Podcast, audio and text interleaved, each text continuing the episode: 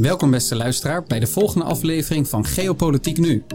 Vandaag gaan wij stilstaan bij de geopolitieke actor die wij de Europese Unie noemen. In hoeverre is de Europese Unie een geopolitieke actor en wat is de historische achtergrond daarvan? Voordat wij van start gaan wil ik graag allereerst Michel Kerres, NRC-redacteur, verwelkomen. Wij zijn heel erg dankbaar dat je hier op bezoek bent gekomen. Straks zal ik je natuurlijk uitgebreid ruimte geven om je te introduceren.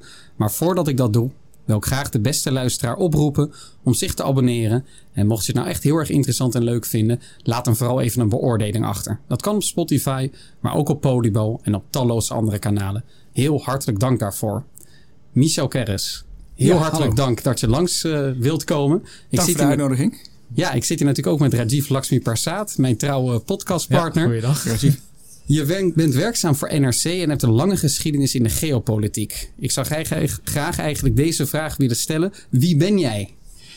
Nou, wie ben ik? Ik eh, ben eh, journalist. Eh, heb bij NRC eh, al vele jaren eh, erop zitten. Heb heel veel verschillende dingen gedaan. En schrijf sinds 2016 over internationale politiek, over geopolitiek, over diplomatieke betrekkingen.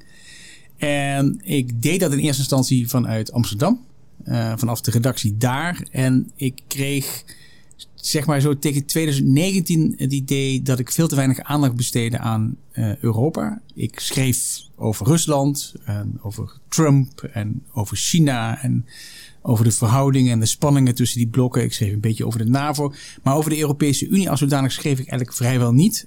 En ik had het idee dat ik steeds naar de verkeerde mensen zat te kijken, zeg maar. Dus ik keek wel naar Xi en ik keek naar Trump, maar ik keek niet genoeg naar wat zich nou in ons eigen Brussel afspeelde. Eh, en sindsdien eh, ben ik eh, zeg maar part-time in Brussel. Dus ik verdeel mijn tijd tussen Amsterdam en Brussel. Oké, heel erg interessant. Wat bracht jou er in 2019 toe om te zeggen: de EU is toch een van belang zijnde actor? Kijk, de EU was natuurlijk altijd al een actor van formaat. Hè. We gaan maar kijken. Bijna automatisch een machtsblok, want er wonen 320 miljoen mensen.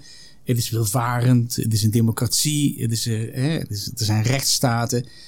En de EU had natuurlijk altijd al heel veel invloed via de handel en via economische betrekkingen. Daarnaast is de EU is een soort van enorme regelmachine. Eh, en die regels die gelden vooral natuurlijk voor de EU-lidstaten zelf in eerste instantie. hè. De, de beroemde interne markt, dat we allemaal volgens dezelfde spelregels werken en alle normen en regels hetzelfde zijn. Hè, dus de beroemde eh, knoestige eh, komkommers en de, de kromme bananen en al die debatten die hebben, zijn heel erg des Brussels. En op een gegeven moment begon op te vallen dat als Brussel is dus zo groot, de Europese Unie is zo groot, dat als daar een norm gesteld wordt, dat die heel vaak ook de norm in de hele wereld wordt. Dat heet het, eh, het Brussels effect. Eh, en dat is natuurlijk ook een manier van invloed uitoefenen, van macht hebben. Dus als je bijvoorbeeld als de EU besluit om eh, een bepaald stekkertje in te voeren voor de smartphone, dan is de kans vrij groot dat die fabrikanten van smartphones de hele wereld zeggen van oké, weet je wat we doen? Met die stekker, als we die ene stekker van Europa nemen, dan hebben we al meteen 320 miljoen potentiële consumenten. We maken die stekker ook wereldwijd zo. Eh, dus dat is een bepaald eh, effect. Eh, er is een Andrew Bradford die daar een heel mooi boek over geschreven heeft, hoe dat precies werkt. Dus die economische macht, die was er eigenlijk altijd al. Die is in de afgelopen decennia gegroeid. En de de EU was ook een paar dingen helemaal niet. Hè, er was eh, vrijwel geen buitenlands beleid. Dat kwam maar heel mondjesmaat op gang. Een beetje aangewakkerd door de eh, oorlogen in voormalig Joegoslavië. Defensiebeleid als zodanig was er eigenlijk nog veel minder. Hè, want de, Europese defensiesamenwerking, voor zover die daar was, verliep natuurlijk groot deel via de NAVO. Hè, dus, dus eigenlijk was altijd de vraag, ja, waarom moet je dat eh, verderop in Brussel ook nog een keer gaan doen? Heb ik daar gelijk eigenlijk een vraag over. Binnen de NAVO treedt de EU ook wel eens op als eenduidige partij. Natuurlijk, sommige EU-landen zijn niet lid, de meeste wel van de NAVO. Treedt de EU daar ook op als machtsblok? Nou, als machtsblok niet zozeer. Het is wel zo dat ze eh, heel veel samenwerkingsverbanden gelegd worden en onderwerpen gezocht worden waar ze bij elkaar kunnen helpen. Het is een hele, daar kun je een hele podcast over maken. Over de EU en de NAVO. Dat is een hele moeizame eh, verhouding. Komt er in wezen op neer dat veel lidstaten zeiden van nou ja, kijk, als je eh, een tankbataljon hebt, dan kun je dat eh, onderbrengen bij de NAVO. En dat kan je een NAVO-taak geven. Uh, als ik dan ook nog een tankbataljon zou moeten leveren aan de EU, dat heb ik niet. Hè, dus ik kan mijn defensiegeld ook maar één keer uitgeven. Dus, dat, dus daar liep dat heel lang, uh, werd dat heel stroef gezien. Bovendien waren sommige landen, zoals Polen, zeiden altijd van, nou ja, als ik al verdedigd moet worden, dan ga ik toch graag naar de Verenigde Staten kijken. Ja, want die, die kunnen dat. Maar een land als Frankrijk, wat grootse, meeslepende plannen altijd heeft ja. voor Frankrijk en voor de Europese ja, Unie daarmee. Ook in Afrika. Ja, ook in Afrika. Ja, dus die, die zitten veel, zaten altijd traditioneel veel meer op de lijn van hè, ook de Europese Unie moet zelfstandig uh, iets op defensiegebied gaan voorstellen. Maar dat, daar is heel veel over gepraat. Er zijn heel veel boeken over geschreven. Uh, documenten, je kunt er hele boekenkasten. Er zijn plannen gemaakt. Er zijn legereenheden opgericht die nooit en nimmer in actie zijn gekomen, die nog niet eens zelf geoefend hebben samen. Dus de, het was één groot papieren uh, verhaal, uh, heel lang. En daar kwam pas later, onlangs kwam daar verandering in. Oké, dus even een grove schets voor de luisteraar, korte samenvatting. De EU is een geopolitiek machtsfactor van belang geweest, vooral op economisch gebied en als regelzettende macht in de wereld. Het Brussels effect wordt dat ook wel genoemd. Dus bepaalt de uh, Europese Unie iets, dan is de kans groot dat fabrikanten en andere landen zich daaraan houden. Maar militair en qua buitenlands beleid is daar totaal geen sprake van. Maar er is afgelopen jaar natuurlijk wel verandering ingekomen. En dat is de oorlog in de Oekraïne. Uh, ja, maar misschien moeten we nog even nog iets verder teruggaan. Want, de, want het begon al iets eerder te, uh, te schuiven en te broeien. Okay. Dus je kunt eigenlijk, als je er nu op terugkijkt, is het een ontwikkeling die pak een beetje tien jaar in beslag neemt. Dus je, je kunt eigenlijk teruggaan naar de. Misschien moet je beginnen bij de annexatie van de Krim door Rusland, de oorlog in de Donbass en het neerhalen. 2014. Ja, en het neerhalen van MH17. Dat was een eerste duidelijk signaal dat Poetin veel agressiever was dan uh, veel mensen in het Westen uh, wilden accepteren. Poetin had natuurlijk jarenlang al tamelijk agressieve reden gehouden en maar niemand nam dat echt serieus. Dat die, uh, en, en er was altijd een soort van vrevel vanuit Moskou met de NAVO, maar dat werd een beetje. Ja, want ik kan nog beelden herinneren dat hij met Barroso en zo een soort van goed bevriend waren. De echte vroege 2000. Ja, ja Barroso, ja. even voor de luisteraar, een oude Europese commissievoorzitter. Ja, klopt. Ja. Nou ja, hij was ja. natuurlijk, hij telde natuurlijk heel erg mee. Hij kwam in 2000 geloof ik aan de macht. En hij, de eerste jaren, uh, ik was toevallig in Berlijn toen hij uh, voor het eerst de Bondsdag toesprak. Dat was een hele zware, beladen, hele mooie historische toespraak. Die alleen maar ging over verzoening tussen Rusland en, en Duitsland. En die, die Duitse parlementariërs, die wisten niet hoe ze het hadden. Die stonden op de banken te applaudisseren. Uh, Zo'n prachtige reden had deze Poetin gehad. Poetin sprak natuurlijk ook nog Duits een beetje. Hè, omdat hij in, in Dresden ja. had gezeten in de, tijdens de Koude Oorlog als spion. Dus hij werd echt wel gezien als een uh, vertegenwoordiger van een moderniserend Rusland. Een Rusland dat op een of andere manier wel de weg naar het westen zou vinden. Dat was een beetje de hoop, zeker in, in, in die tijd. Maar goed, uh, toen kreeg je natuurlijk uh, de Krim en daarmee was dat eigenlijk gewoon afgelopen. En dat was ook een eerste signaal dat iedereen dacht van ho ho, de wereld om ons heen is misschien toch iets minder vriendelijk dan wij in Brussel vaak denken. Dus dat was welke landen namen dit signaal heel serieus? En welke landen een stukje minder binnen de EU? Het is heel simpel. Het zijn de landen die zich het meest bedreigd voelden. Dus de Baltische landen en de, de landen aan de, uh, aan de oostgrens. Dus Polen bijvoorbeeld zeiden altijd... Zie je wel, Rusland is niet te vertrouwen. En uh, in het Westen werd dat ook ja. toen in 2014 nog wel een beetje weggelachen. Hè? Dus men zei van ja, dit mag wel niet. En Frankrijk en Duitsland gingen er van alles aan doen om, om dat conflict tussen Rusland en Oekraïne, wat zich concentreerde op de Donbass, om dat op een of andere manier in een vredesakkoord te gieten. He, dus de befaamde Minsk-akkoorden werden dat. Maar Rusland werd nog niet, tenminste niet in het Westen, niet echt gezien als een enorme bedreiging.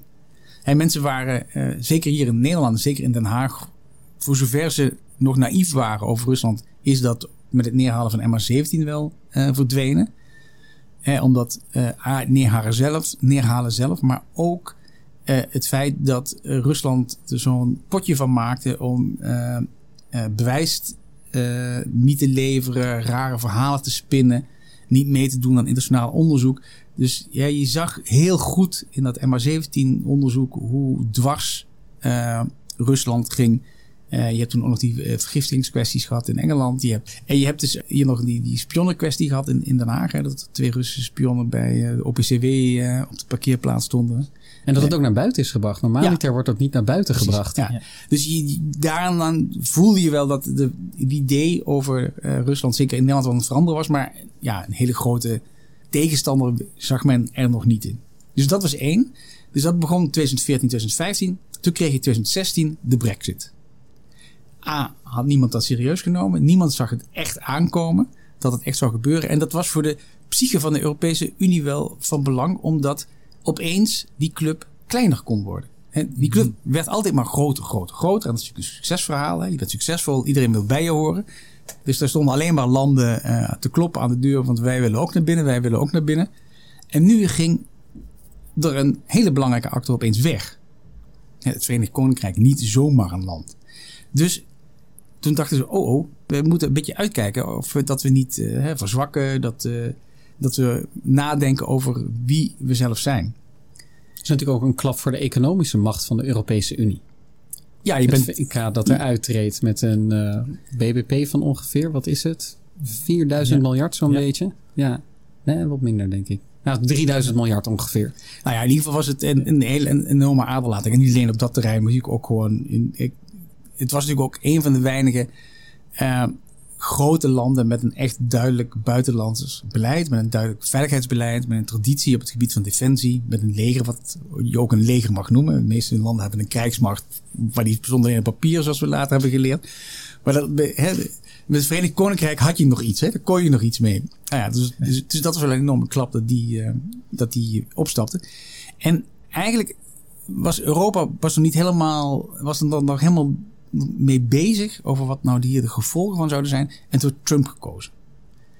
En dat was de volgende wake-up call, zo je wilt. Want Trump bleek een, de EU te zien als een concurrent. Het is altijd zo geweest dat Amerikaanse presidenten hadden, zeg maar, vanaf de Tweede Wereldoorlog Europese samenwerking gestimuleerd. En, en dat eh, waren altijd heel positief over als de manier om hè, de oorlog, de Tweede Wereldoorlog, te overwinnen, de animositeit weg te strijken, samenwerking. En dan, en dan konden ze ook mooi eh, met de Verenigde Staten samenwerken. Dus alles een mooi partnerschap. Hoeven we niet voor de derde keer weer naar Europa te gaan. Dat is het idee. ja.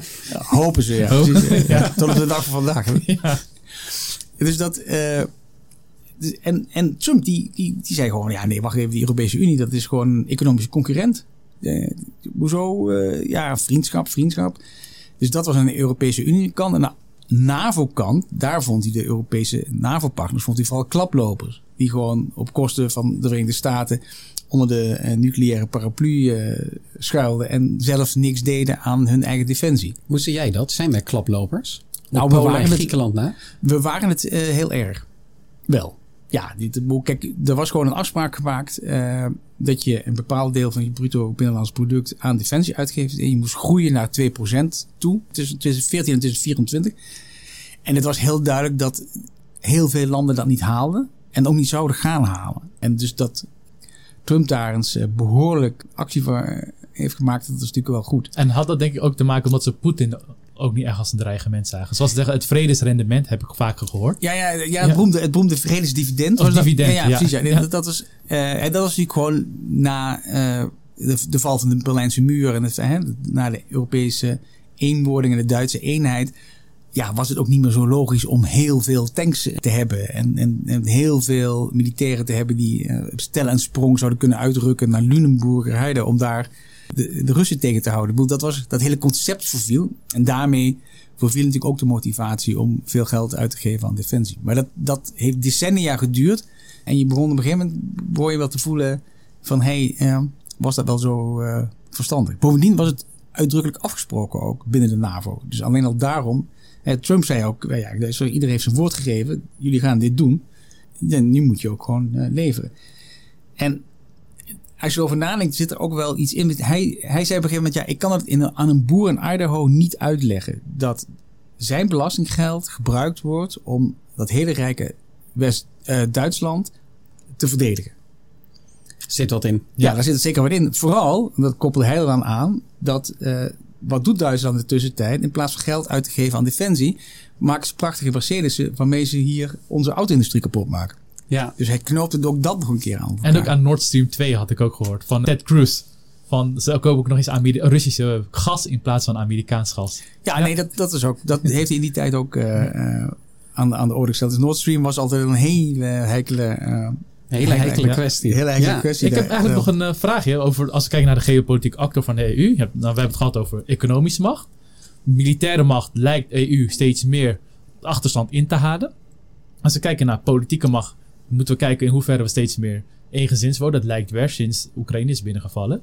Wat is eigenlijk de geopolitieke macht dat de EU heeft op zijn voormalige koloniën, bijvoorbeeld Afrika? Hoe ze die kunnen meenemen? Want het idee was toch vaak dat Afrika is de achtertuin van EU of Europa, Zuid-Amerika van Amerika. Nou ja, dat Zie je daarin ook een rol in? Of, uh, nou ja, dat is, een hele, dat is een hele moeilijke, moeizame relatie. Het ligt trouwens per land en per gebied weer heel uh, weer anders en gevoelig. Frankrijk heeft natuurlijk heel veel geprobeerd uh, er nog een rol te spelen. Is nu eigenlijk zeg maar in Mali weggejaagd door Wagner. Uh, dus je ziet dat China en Rusland daar ook hun invloed willen doen gelden. En dat je daar als Europa of als Europese landen een antwoord op moet vinden. Dat komt nog niet zo van de grond. En wat je nu ziet in de discussies tijdens de Oekraïne-oorlog is dat het, de Oekraïne-coalitie, de westerse Oekraïne-coalitie, steeds weer zegt tegen ook voormalige kolonie van jullie moeten ons steunen in het tegenwerken uh, van Rusland. En dat die landen zeggen, ja, maar juist eens even. Uh, dit is een Europees conflict, dit is jullie oorlog. Wij hebben, uh, we zijn het niet eens met het feit dat Rusland Oekraïne is binnengevallen. Maar het is ver weg en wij hebben onze eigen problemen. En wat er ook speelt is dat toen er vroeger voorheen problemen waren in Afrika, gaf Europa niet thuis of het Westen niet thuis. En nu gaan er miljarden elke week richting Oekraïne. Dus dat, is, dat, dat doet ook een beetje pijn. Ja, ja dat is wat die Indiaanse minister van Buitenlandse Zaken zei, Jay Shankar. Van the Europe's problem is not the world's problem. But because the world's problem weren't Europe's problem. Ja, uh, werd ook laatst. Ja, we need to grow out of the mindset. ja. ja. En tekenend hiervoor was ook dat Zelensky de Afrikaanse Unie wilde toespreken. En dat er wel geteld vier leden vanuit de Afrikaanse Unie aanwezig waren. En zo een 48 niet. Maar dan even terug naar de kwestie van vandaag. In hoeverre is de Europese Unie volwassen aan het worden als geopolitieke actor wereldwijd? En dan hoor ik terug dat de EU dat echt was als een regelzetter en als een economische macht. Dat er een drietal grote wake-up calls is geweest. De allereerste was de Krim-inval in Rusland in 2014. De tweede was zeker voor Nederland MH17. Uh, en de derde die was, eigenlijk zijn er twee bijgekomen. Eerst de brexit en daarbovenop nog eens de verkiezing van Trump die heel kritisch was over zowel de bijdrage, de klaplopers vanuit het Europese continent, als ook de EU als een concurrent zag. In 2022, bijna precies een jaar geleden, valt Rusland Oekraïne binnen. Hoe heeft dat de EU eigenlijk veranderd op geopolitiek vlak? Uh, nee, dat is dat is een enorme. Je herkent eigenlijk de Unie niet meer terug. Uh, kijk, je, want je moet je dat zo zien. De Unie was eigenlijk, zag zichzelf als een soort van. Ja, moet je zeggen, als een vredesproject. dus de Unie had uh, twee enorme prestaties geleverd. De, de, geopolitieke zeg maar, spanningen van die na de Tweede Wereldoorlog bestonden, die werden door die samenwerking opgelost. Hè. Dus de, de, Frans-Duitse vriendschap, uh, is natuurlijk een kernonderdeel van het hele Europese project. Dus het feit dat het parlement in Straatsburg staat en die regio die steeds heen en weer ging tussen die twee, dat is daar een duidelijk symbool van. Dus dat is het ene. In 89 presenteerden ze het weer om het wegvallen van de muur, zeg maar, vreedzaam op te vangen. De Duitse eenwording, Europa, Europa ging groeien. de voormalige Warschau-pactlanden, we noemen net de Baltische Staten, werden lid van de Unie. dus dat was allemaal gebouwd op samenwerking, op vriendschap, op handel hè, als basis uh, voor die uh, samenwerking.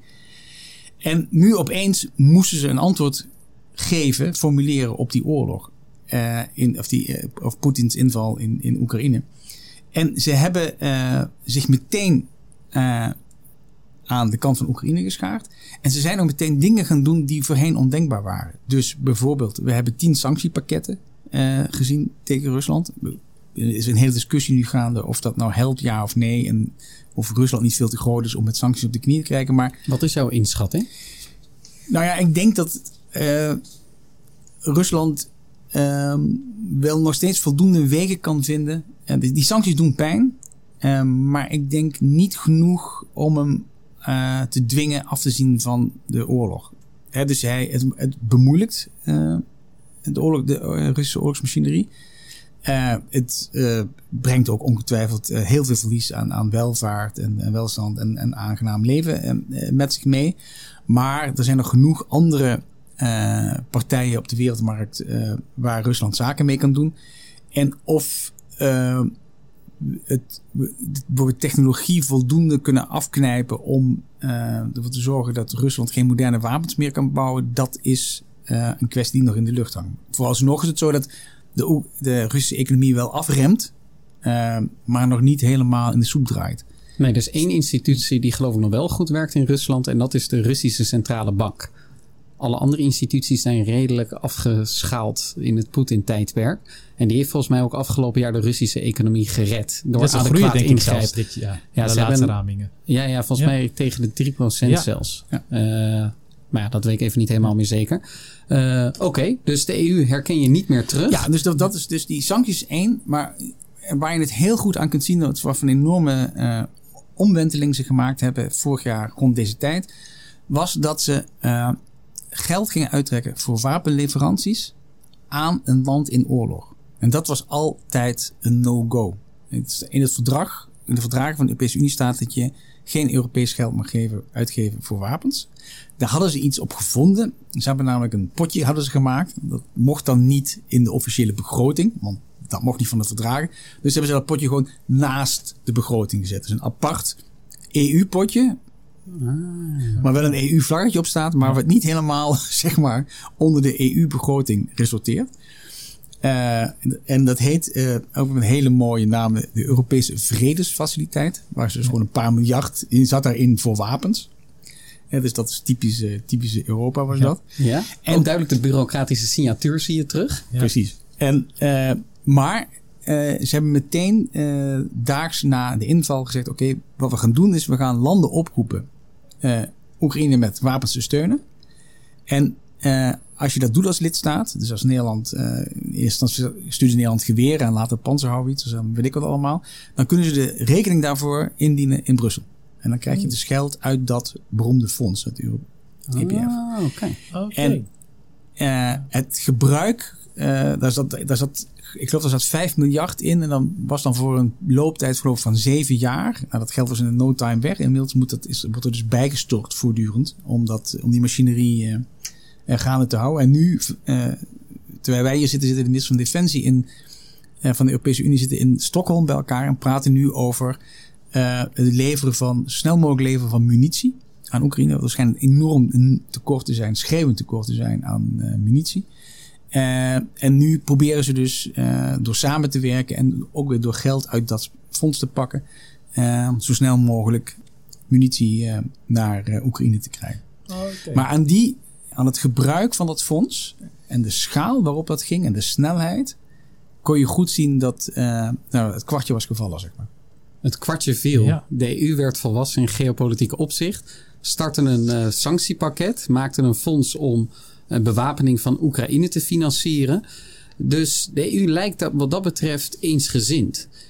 Klopt dat in jouw ogen ook? In hoeverre is de EU in staat om een eigen duidelijke strategie te formuleren, te ontwikkelen en die ook eh, op te leggen aan alle lidstaten?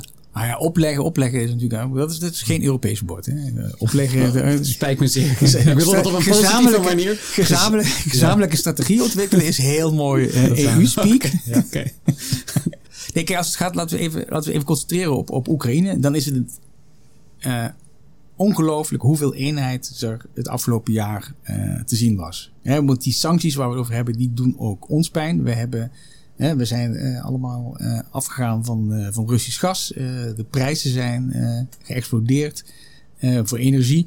Eh, dus wij, hè, eh, we hebben Heeft het je verbaasd hoe eensgezind de Ja. EU na een jaar nog steeds is? Ja, dat heeft me verbaasd. Net zo goed als het me verbaasd heeft dat heel Nederland bijvoorbeeld op 25 februari in één klap achter Oekraïne ging staan. Ik bedoel, Ja. Het is eigenlijk vrijwel, er is vrijwel geen discussie geweest of we dat moesten doen. eh, Hè, want wij, zijn notabene het, het, het land dat het associatieverdrag met Oekraïne heeft tegengehouden destijds. Omdat we dat allemaal niet zo zaken zitten. En nu, ehm, ik, ik was daar erg, voor mij was het een heel prettige verrassing. Ik was, blij verrast. Nee, maar het was wel verbazingwekkend dat dat geen enkele discussie was. En eigenlijk tot de dag van vandaag niet is. Je ziet ook in de peilingen zie je dat het Oekraïne-beleid veel steun krijgt. En je ziet ook dat het Nederlandse beleid is ook heel erg veranderd. Eh, maar goed, de politici kunnen dat ook doen omdat ze weten dat het eh, bij het publiek goed valt. Eh, dus eh, Waardoor komt dat, denk je? ja, ik denk dat er een aantal dingen is. Ik denk dat het, het feit dat er een, een land zomaar wordt binnengevallen in deze tijd, dat er een hele duidelijke agressor is. Het het was niet zo moeilijk te begrijpen. Iedereen zag dit. Nee, maar bedoel, er was niet vaak- complex. Nee, er zijn er vaak conflicten, weet je, waar dan denk je van, oh, de ene heeft geprovoceerd en de andere slaat nu terug. Misschien, hè, waar de twee vechten, eh, hebben er misschien twee schuld. Is hier niet aan de orde, mij betreft. En, en godzijdank ook wat de meeste mensen betreft niet. Ik bedoel, Poetin is hier gewoon eh, binnengevallen nadat hij in april een generale repetitie aan de grens had gedaan. Klaar. En nu, nu moeten we zien dat we daar iets mee doen. Dus dat, dus ik denk dat veel mensen dat ook als zodanig gezien hebben.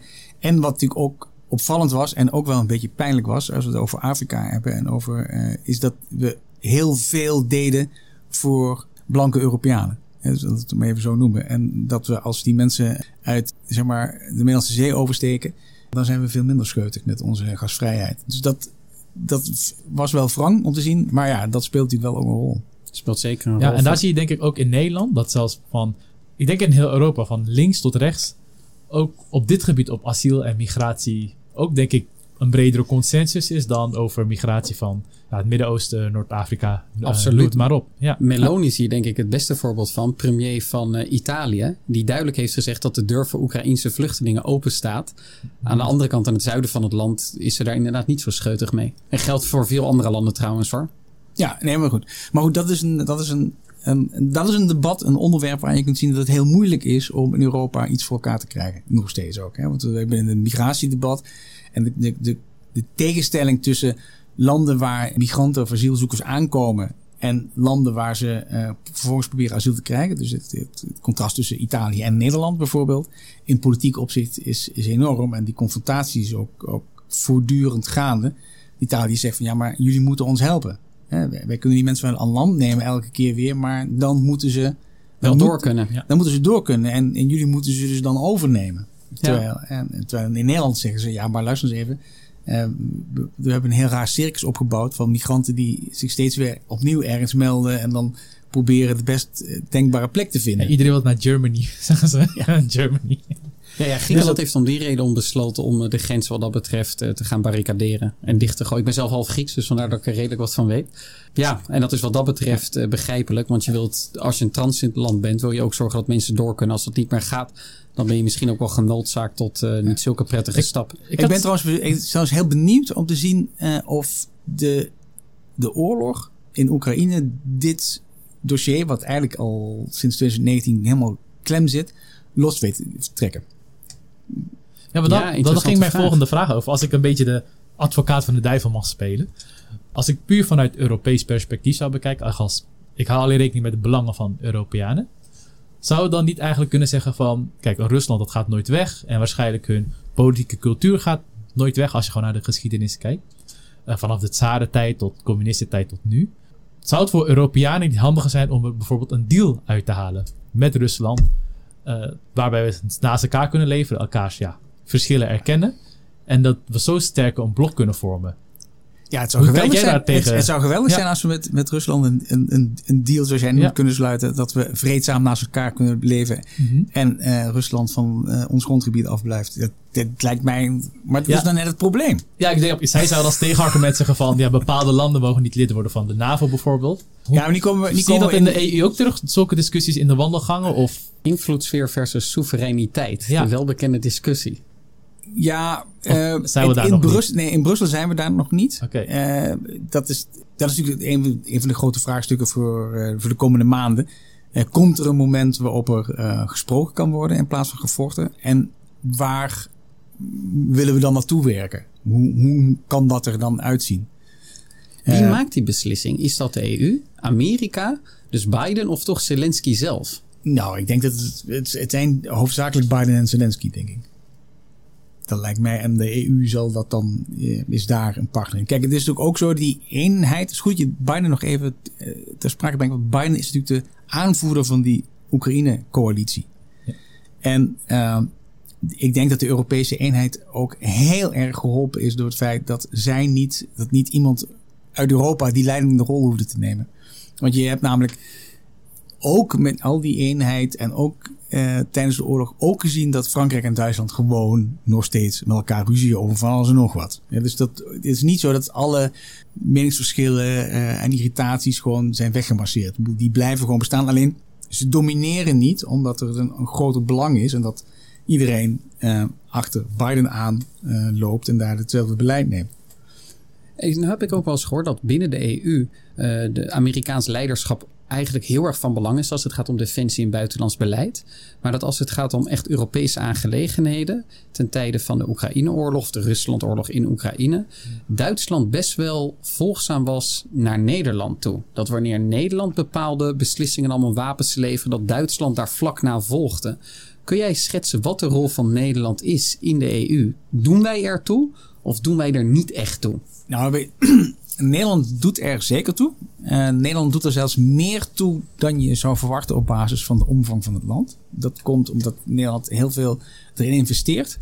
In de Europese Unie is gewoon veel initiatieven neemt. eh, veel hè, zorgt dat er goede diplomaten zitten. Dat die posten goed bemand zijn. Daar, het is echt een Dus we Eh, hebben veel diplomatiek kapitaal. ja, absoluut. Dus dat, is, dat, dus dat, dat gaat heel goed. En we hebben natuurlijk de Rutte-bonus. Premier Rutte was natuurlijk heel lang eh, een, zeg maar, een kritische Europeaan in Den Haag en een tamelijk positieve Europeaan in Brussel. Eh, En eh, hij is helemaal omgezwenkt. Hij is natuurlijk nu hij is veel uitdrukkelijker pro-Europees geworden de afgelopen jaren. En hij is een van de langste zittende regeringsleiders. Dus aan die tafel van 27, daar telt gewoon als je al een tijdje meedraait. Dan weet je hoe het loopt, hoe het gaat. Eh, Iedereen kent jou. weet je, dan komt er een nieuwe premier van Estland binnen. Eh, en die, ja, die heeft nog niet zoveel politieke ervaring. Laat staan veel buitenlandervaring. En dan, dan heb je, hè, dan, als Nederland, dan leg je daar een beetje contact mee. En, en dat zo. Neem je het mee.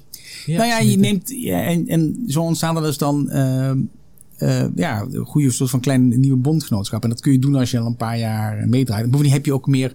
Eh, als je heel veel van die gekke Europese knopen s'nachts hebt helpen oplossen. Dan eh, zijn landen misschien wel bereid om te luisteren naar het, volgende idee wat je hebt. Om uit deze nieuwe impasse eh, te komen. Dus dat. Dus dat Nederland telt zeker mee. In de Oekraïne-kwestie is het zo dat Nederland meteen voorop liep. Dus er waren een paar landen die niet aarzelden met het leveren van steun, met het geven van wapens. Eh, het Verenigd Koninkrijk eh, was daar een van de Verenigde Staten zelf natuurlijk. En in, in, in Europa was dat Polen en, eh, en Nederland aan, aan de westkant. Dus het, we hebben meteen geweren geleverd. We hebben eh, eh, panzerhouwitsers geleverd. Het, nu draait, we zouden tanks leveren als we ze zouden hebben.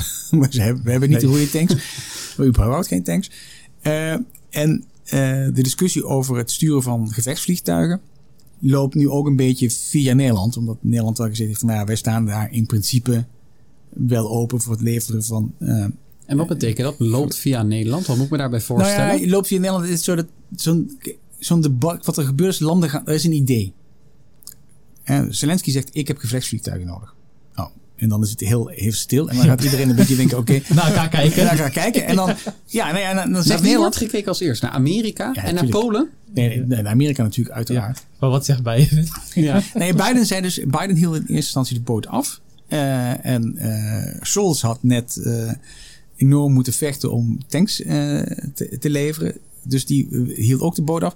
En Nederland zei van, nou ja, eh, we misschien moeten dat wel overwegen. We zijn er niet op voorhand tegen. Dit is iets van de lange termijn. Dit is heel moeilijk. Ze gaan ook niet morgen. We bieden ze ook niet aan. Maar eh, we willen het gesprek ook niet uit de weg gaan. Dat was de Het was geen taboe, zei Hoekstra, geloof ja, ik. voilà. Ja, dus dat, eh, en daarmee krijgt zo'n internationaal debat een beetje tractie. Want hé, hey, er is toch één land, Nederland, niet onbekend, niet on, eh, onbelangrijk. En wat ook belangrijk is, Nederland heeft nou toevallig heel veel van die F-16's. Ja. Eh, omdat wij nu net, net bezig zijn over te schakelen van de F-16 naar de F-35. eh, het betere, nieuwere toestel. Dus we hebben straks, geloof ik, ik geloof in totaal 40 eh, van die toestellen eh, die gewoon op de markt komen. Oude, afgeraakte F-16's. Ja, want ik denk ook dat Polen doet dat denk ik ook als strategie in veel landen. Om hun ouder materiaal, wat toch al ja, weg zou gaan, afschrijven. Dat ze dat sturen.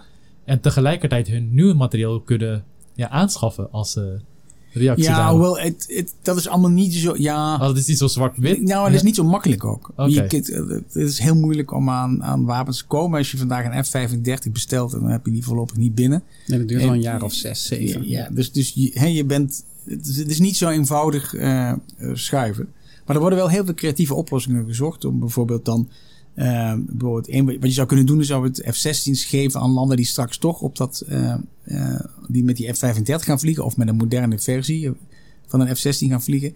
Eh, en zodat zij hun mix door kunnen sturen naar Oekraïne. Want daar kunnen ze in Oekraïne mee omgaan. Dus zo zijn er allerhande eh, spelletjes nodig. En dat zo'n debat, eh, dat helpt natuurlijk als je een land hebt dat daar Iets te leveren heeft. iets te leveren heeft en ook niet op voorhand zegt van no.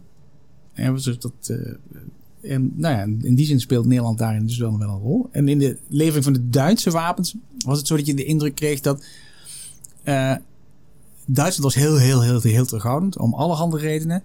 Eh, maar hebben toevallig wel wat te bieden als groot land. En Oekraïne had in de gaten dat Nederland wat voorlijker was op dit terrein dan Duitsland. Dus Nederland werd ook wel een beetje gepusht, kreeg ik de indruk, om te proberen Duitsland mee te nemen. En Oké, dus veel- Duitsland luistert ook wel eens naar Nederland. Wat Ja. onze invloed vergroot. Ja, luistert, ja. eh, Heeft een bereidwilligheid om een nou luisterend ja, oor te bieden onder omstandigheden. Nou ja, kijk in ieder geval, kijk, laat het zo zeggen. Kijk duidelijk naar wat eh, Nederland doet. Duitsland wilde heel veel dingen niet alleen doen.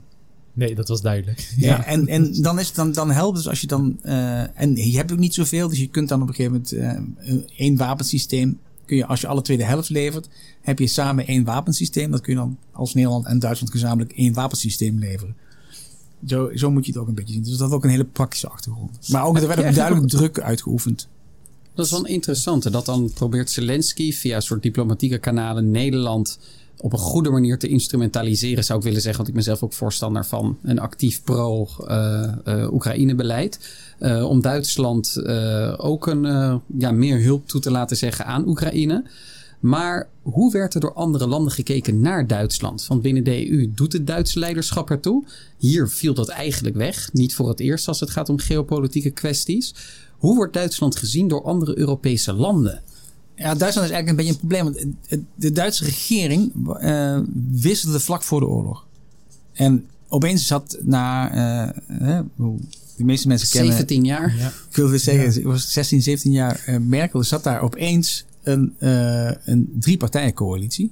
Eh, die, en die mensen waren eigenlijk nog bezig elkaar te ontdekken. Ze waren nog bezig te ontdekken hoe, hoe coalitiekabinetten werken.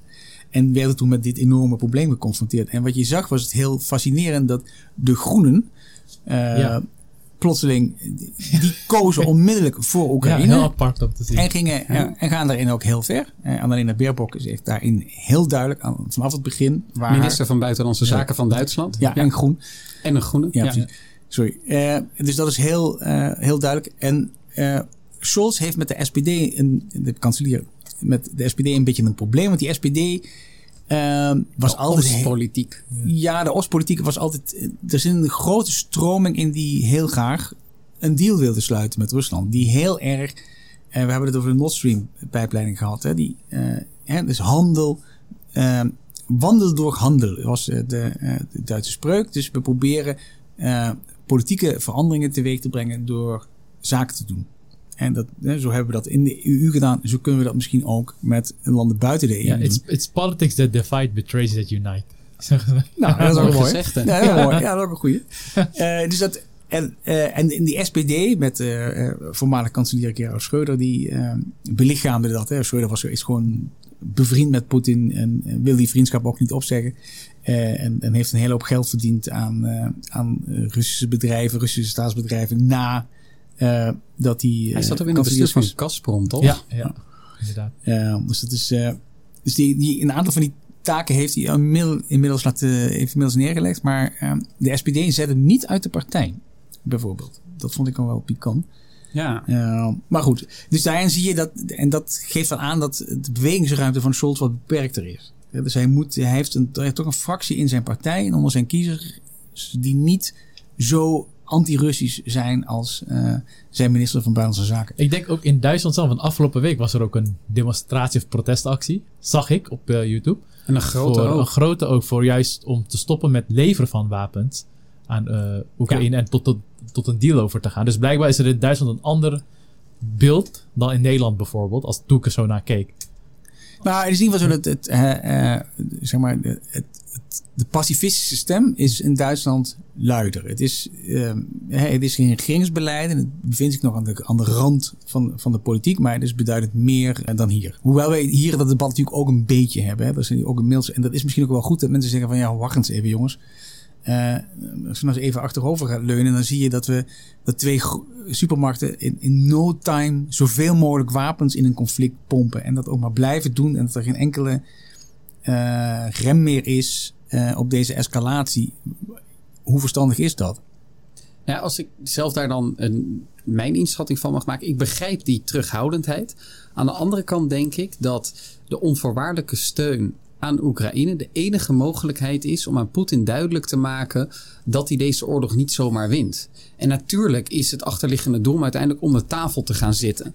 Maar je wilt hem eigenlijk aan de tafel dwingen omdat hij zich realiseert dat hij niet sterk genoeg is om Oekraïne eronder te krijgen.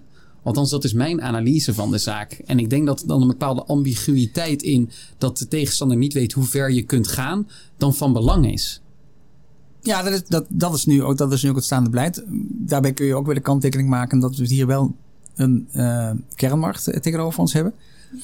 Uh, een klein element, klein, klein detail. Klein, een klein detail, wat een hele lastige is in deze discussie. Ja, dat vind ik ook een lastig. En wat het ja. ook is, ja. dat denk ik zelf ook, als ik echt objectief naar de gegevens kan kijken, is denk ik dat Rusland altijd eigenlijk in de eerste 1 tot 2 jaren slecht in oorlogen doet. Maar dat ze in de 3 tot 4 jaren anders terug kunnen komen. Dus ik denk dat we, dat we daar ook als Europa, als Europese Unie ook denk ik rekening mee moeten houden. Uh, dat is een mooi historisch inzicht. Want als je inderdaad ja, naar de Russische ja, oorlogen kijkt... Tamelijk ja. deprimerend uh, historisch is, inzicht uh, ja, maar waar je daarmee komt. Nee, maar het is denk ik wel belangrijk om daar als EU... Vandaar ook van... Nu we denk ik op de juiste kant van het balans staan... Uh, ja, of een deal misschien handig zou kunnen zijn. want ik had begrepen dat Rusland nog 12.000 tanks in de reserves hebben... die ze aan het upgraden zijn. Ze zijn hun industriële productie aan het upgraden ja, noem het maar op. En onze munitieschatkist is ook leeg. Dus in die zin ja. begrijp ik inderdaad wel de oproep wel tot, tot in ieder geval een nuancering van het debat. Precies. Dan alleen maar pro ja, precies. wapens geven, maar ook naar wat nog meer. Dus dat begrijp ik, uh, begrijp ik goed. Ben ik even benieuwd naar de bredere geopolitieke context waarbinnen de EU zich gesteld ziet. En dat is natuurlijk dat er wereldwijd, zou je kunnen stellen, een soort van koude oorlog aan het oplaaien is tussen China enerzijds en het machtsblok van China. Rusland is er steeds meer aan het ontwikkelen tot junior partij, zou je misschien wel kunnen stellen, van China. Iran en Pakistan zitten ook steeds meer in dat machtsblok. Wellicht ook andere landen als Cambodja en Laos. En dan is daar tegenover de gigante Verenigde Staten. Daarover weinig denk ik over kwijt wie allemaal tot dat kan behoren. Hoe moet de EU zich hier positioneren? Of laten we beginnen met hoe positioneert de EU zich hier op dit moment? Ja, dat, was, dat is eigenlijk al een paar jaar uh, uh, een, een heel heikel probleem voor Brussel. Het is overigens iets dat we nog aan Trump te danken hebben. Hè? Het was namelijk na al die shocken die, shocks die we gehad hebben in Europa. Toen Europa zei van, hé, hey, wacht eens even, de wereld is toch uh, iets minder uh, vrolijk uh, en vriendelijk dan wij denken. Daar kwam natuurlijk bij dat we, zo pak een beetje 2018, 2018 van Trump geleerd hebben dat China helemaal niet zo'n vriendelijk land is waar je alleen maar handel mee kunt drijven. Maar dat het een grootmacht is die zijn rol opeist op in de wereld. En dat doet met een uh, politiek systeem dat ons niet aanstaat.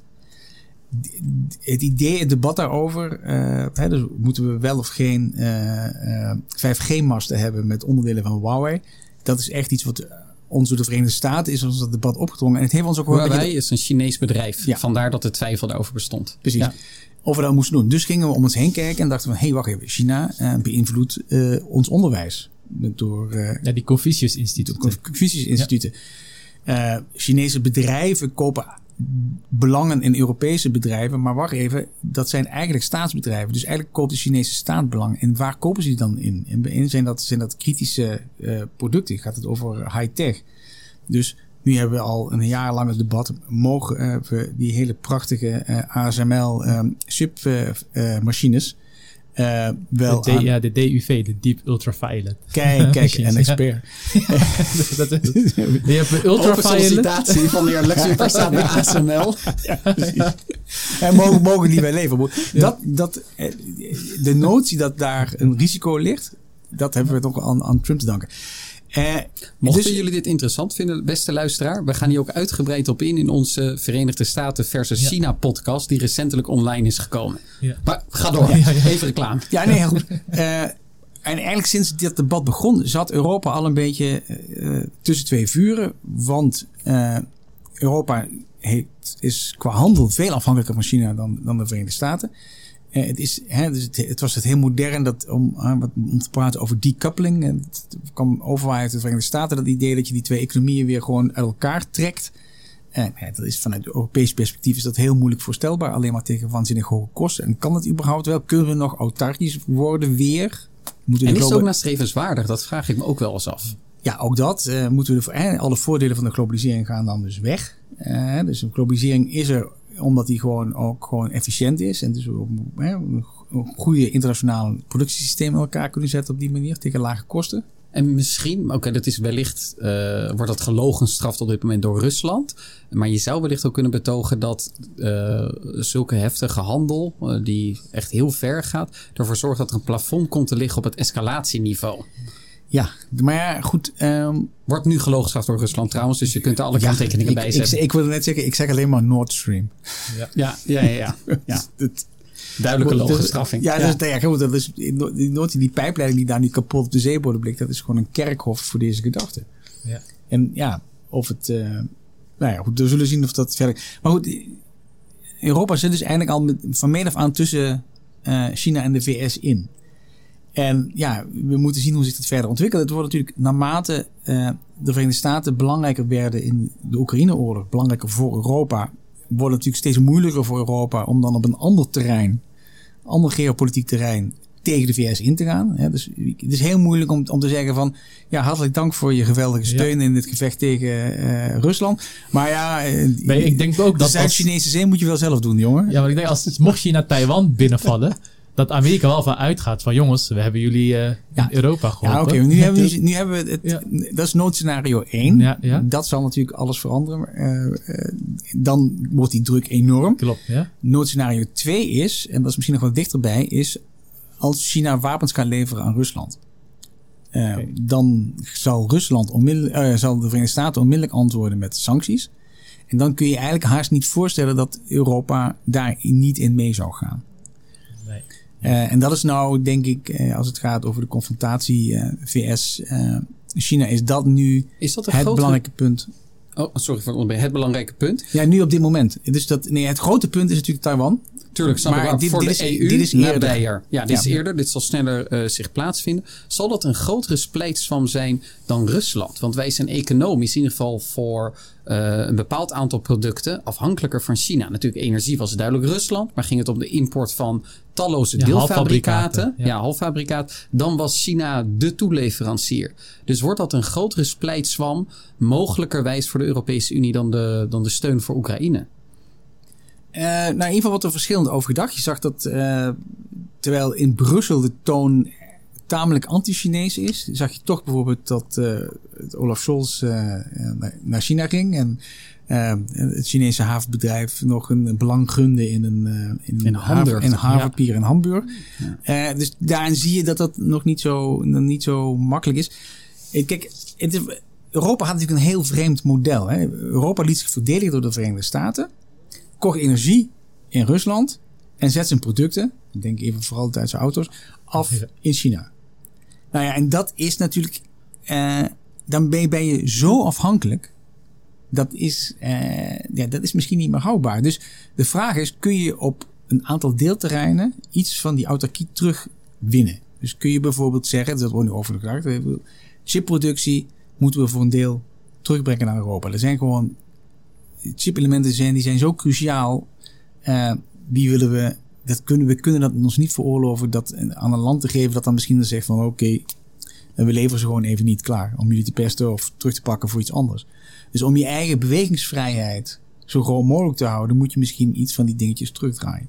Maar ik denk dat het debat heel erg op die. Uh, en zal dat dan heel geleidelijk gaan? Nou ja, het kan. Dan verwacht je ook weer een wenden, wendung, ik weet even niet, wenden is het in het Duits toch? Ja, uh, voor de Europese Unie na de, na de ja, Chinese leveranties aan Rusland en sancties die wij mogelijkerwijs gaan instellen voor China. Nee, dat zal in ieder geval weer een enorme, uh, enorme zet zijn. een enorme stap zijn. Of het, of het, of het Zeiten, de, de Zeitenwende zat heel erg aan dat vredesdividend vast. De Zeitenwende was het moment dat we afscheid namen van, het, van de gedachte dat we geen defensie nodig hebben, dat we daar geen geld aan uit hoeven te geven, dat we het geld veel beter aan onderwijs kunnen geven uh, dan aan, aan tanks. Uh, dat we ons dat gewoon helaas niet meer kunnen veroorloven, die luxe. Maar in Zeitenwende qua handel met China, dat is misschien ook wel de term Zeitenwende waardig. Als ja, we daar heel anders tegenover komen te staan. Ja, dan goed, de vraag is dan of we dat aan kunnen. Ze zijn wel langzamerhand steeds meer aan het verplaatsen naar Zuidoost-Azië, naar India. Uh, ik weet niet of ze in Afrika ook aan het doen zijn. Wat is jouw inschatting, Rajiv? In hoeverre kan de EU dit aan? Ik denk dat de EU zou het op termijn aan kunnen. Maar dan, ik weet niet hoe ver ze al mee bezig zijn. Maar de druk opvoeren om in ieder geval voor de belangrijkste industrieën andere plaatsen te zoeken. Kan in Europa zijn, maar ook in andere ja, derde landen. In ASEAN of in, in India of dichter bij huis. En dan zijn we er wel toe in. Ja, maar het is een geleidelijk proces. Wij dat is wel niet plotsklaps dit, dit entangelen, om het maar even een lelijk Engels woord te gebruiken. en het kan, want we moeten niet vergeten, Europa was ook, denk ik, eeuwenlang ook gewoon echt een, de machtigste blok in de wereld. Dus het is niet dat Europa. Oké, het was toen wel met kolonialisme en dergelijke. Maar het, het, het is wel mogelijk om het op een andere, moderne manier weer te bewerkstelligen, ben ik van mening. Ja, maar je hebt tijd nodig. Hè? Je dat hebt tijd nodig. Dat is natuurlijk een beetje. Uh, ja, kijk. Uh, je zou bijvoorbeeld, uh, als je nu een, een, productielijn hebt in, in China, zou je zeggen: Oké, ik haal die daar weg, ik breng maar naar Vietnam. Zo goedkoop, dan kunnen ze dat vast ook. Maar dat, om dat te doen op, op grote schaal, dat is gewoon niet haalbaar.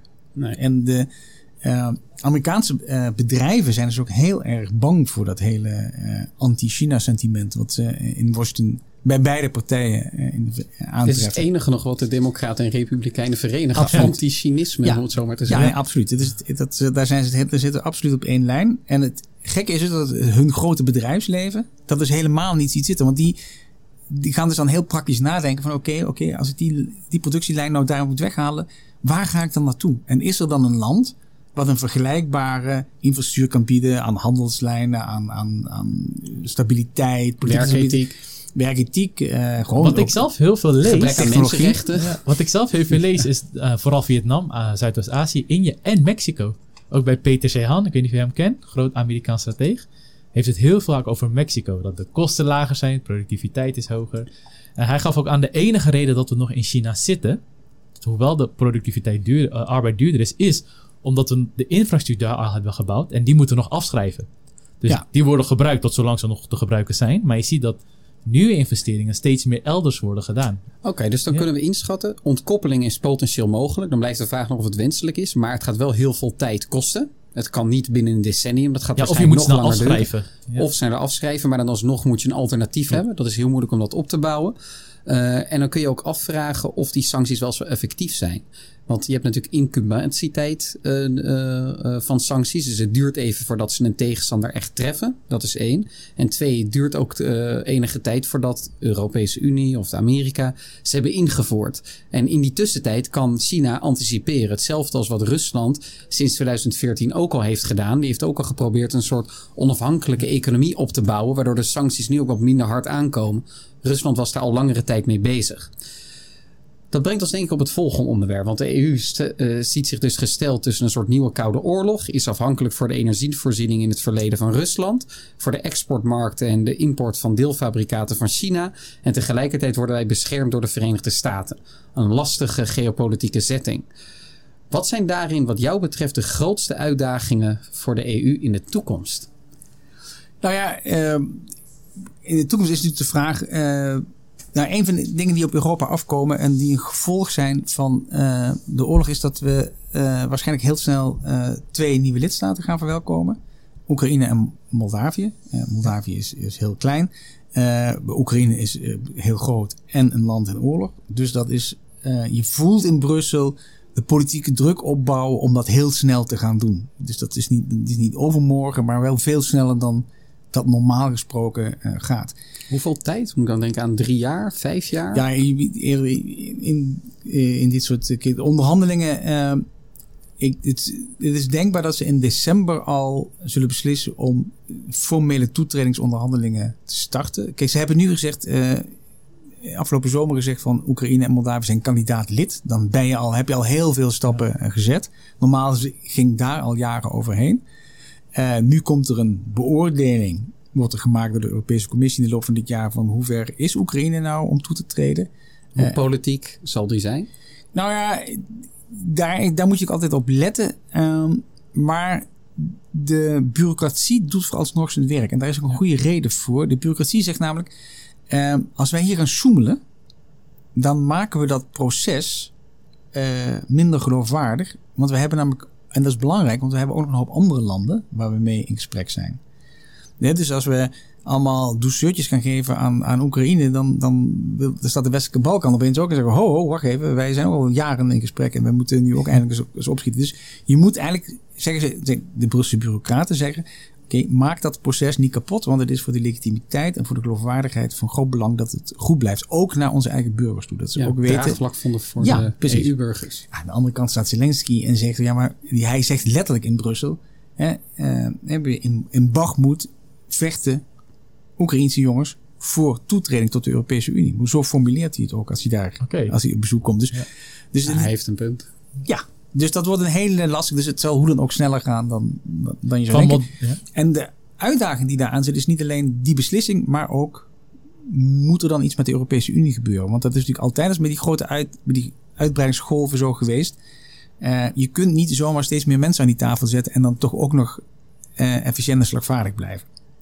Dus is de vraag, kijk maar eens op een kaart hoe groot de Unie dan wordt als je Oekraïne daarbij telt. En hoe, Ja. in hoeverre het zwaartepunt zich ook oostwaarts gaat verschuiven. Alleen al gewoon, gewoon al uit geo, letterlijk geopolitieke dag nou. Eh, dan denk je van, oh, oké, dit gaat vergaande consequenties hebben. Dus misschien moeten ze wel iets doen met meer in- besluiten bij meerderheid in plaats van unanimiteit. Zodat eh, Hongarije niet elke keer weer eh, een grapje kan. eh, En ik denk ook Uithalen. dat die Bucharest Ja. 9 groter, of Bucharest wordt het 10 of 11, met, eh, dat zij echt een zwaartepunt kunnen krijgen. Ja, precies. Dus, Ja. dus je, ja, je kunt, ja, dat- dat, dat kan dus ook een ontwikkeling zijn. Dus, dus eh, die uitbreiding die achter die oorlog aankomt, of die met die oorlog meekomt, eh, is, een, is een belangrijke uitdaging voor de Unie, denk ik.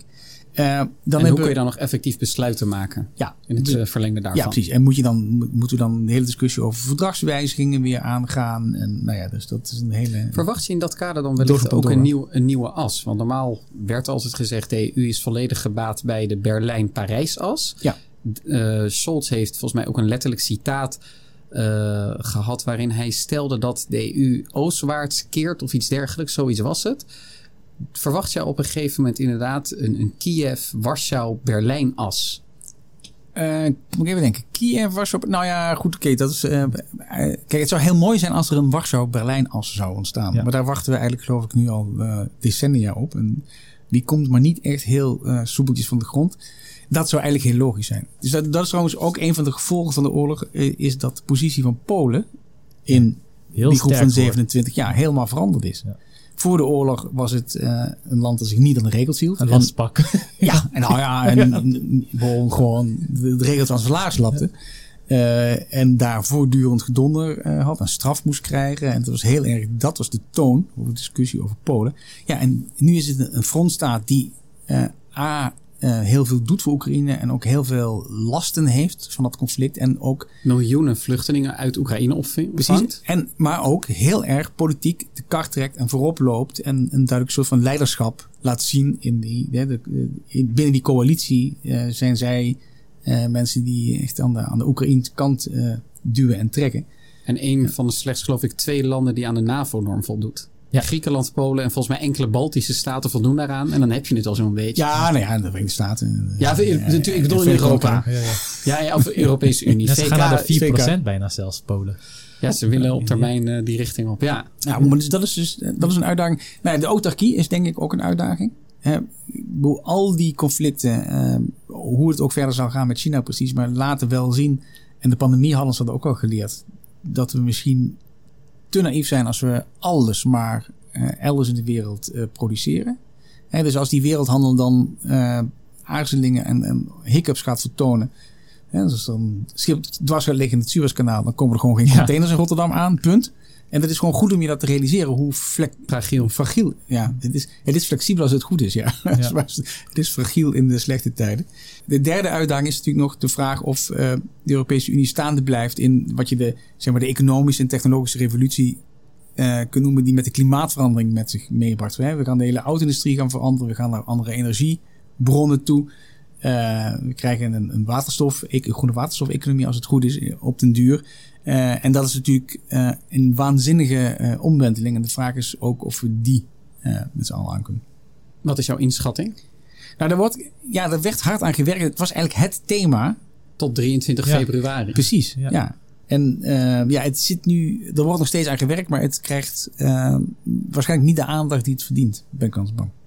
Oké.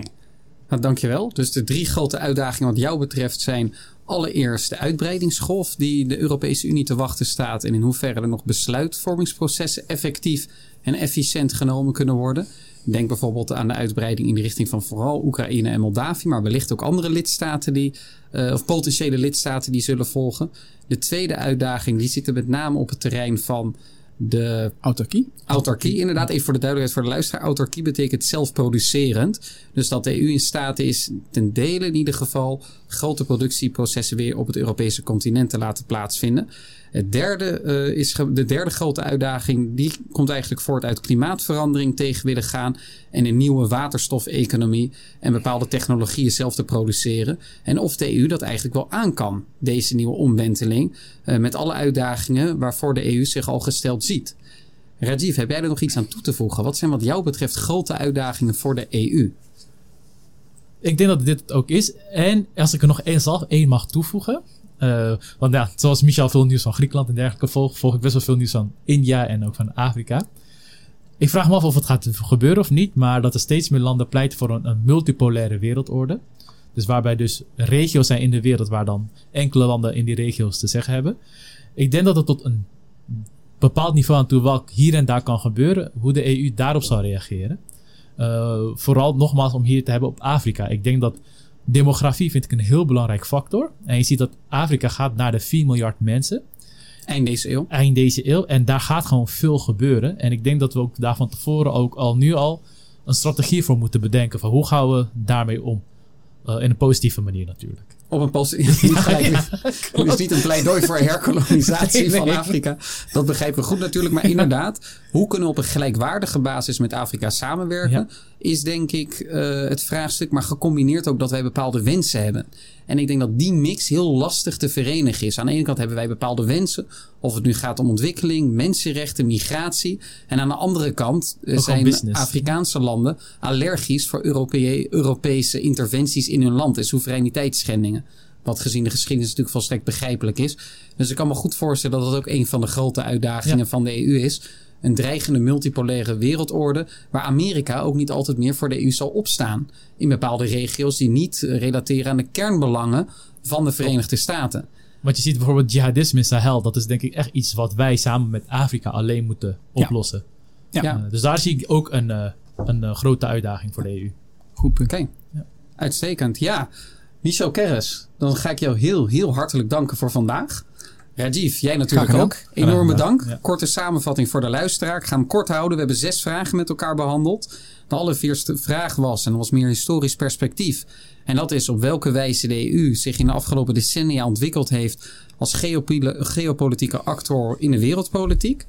De tweede vraag is geweest hoe de oorlog in Oekraïne de positie van de EU op dat wereldtoneel veranderd heeft. Ten derde zijn we ingegaan op in hoeverre de EU eigenlijk in staat is om een eenduidige, duidelijke strategie te ontwikkelen en daarna ook te volgen. Daar hebben we grote uitdagingen bij besproken, maar tot nu toe, een jaar na de oorlog in Oekraïne, houdt de EU eigenlijk zich opvallend eenduidig.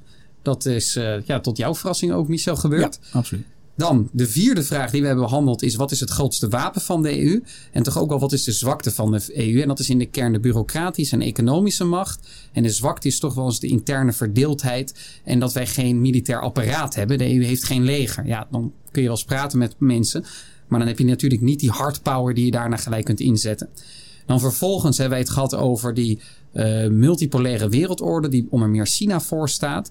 En de dreigende koude oorlog tussen China en Amerika en hoe de EU zich hiertoe moet verhouden. En dat wij economische belangen te dienen hebben, maar ook veiligheidsbelangen. En dat die wel eens tegen elkaar in kunnen druisen. En als laatste wat de grootste uitdagingen zijn van de EU met het oog op de toekomst. Dat brengt ons denk ik in totaliteit wat mij betreft op een mooie podcast. Nogmaals heel hartelijk dank. Beste luisteraar, u wil ik natuurlijk wederom oproepen om je te abonneren. Laat ook een review achter. En hebben wij ons best weer gedaan om je afstand te na te nemen van je ongeïnformeerde zelf. Heel hartelijk dank voor het luisteren.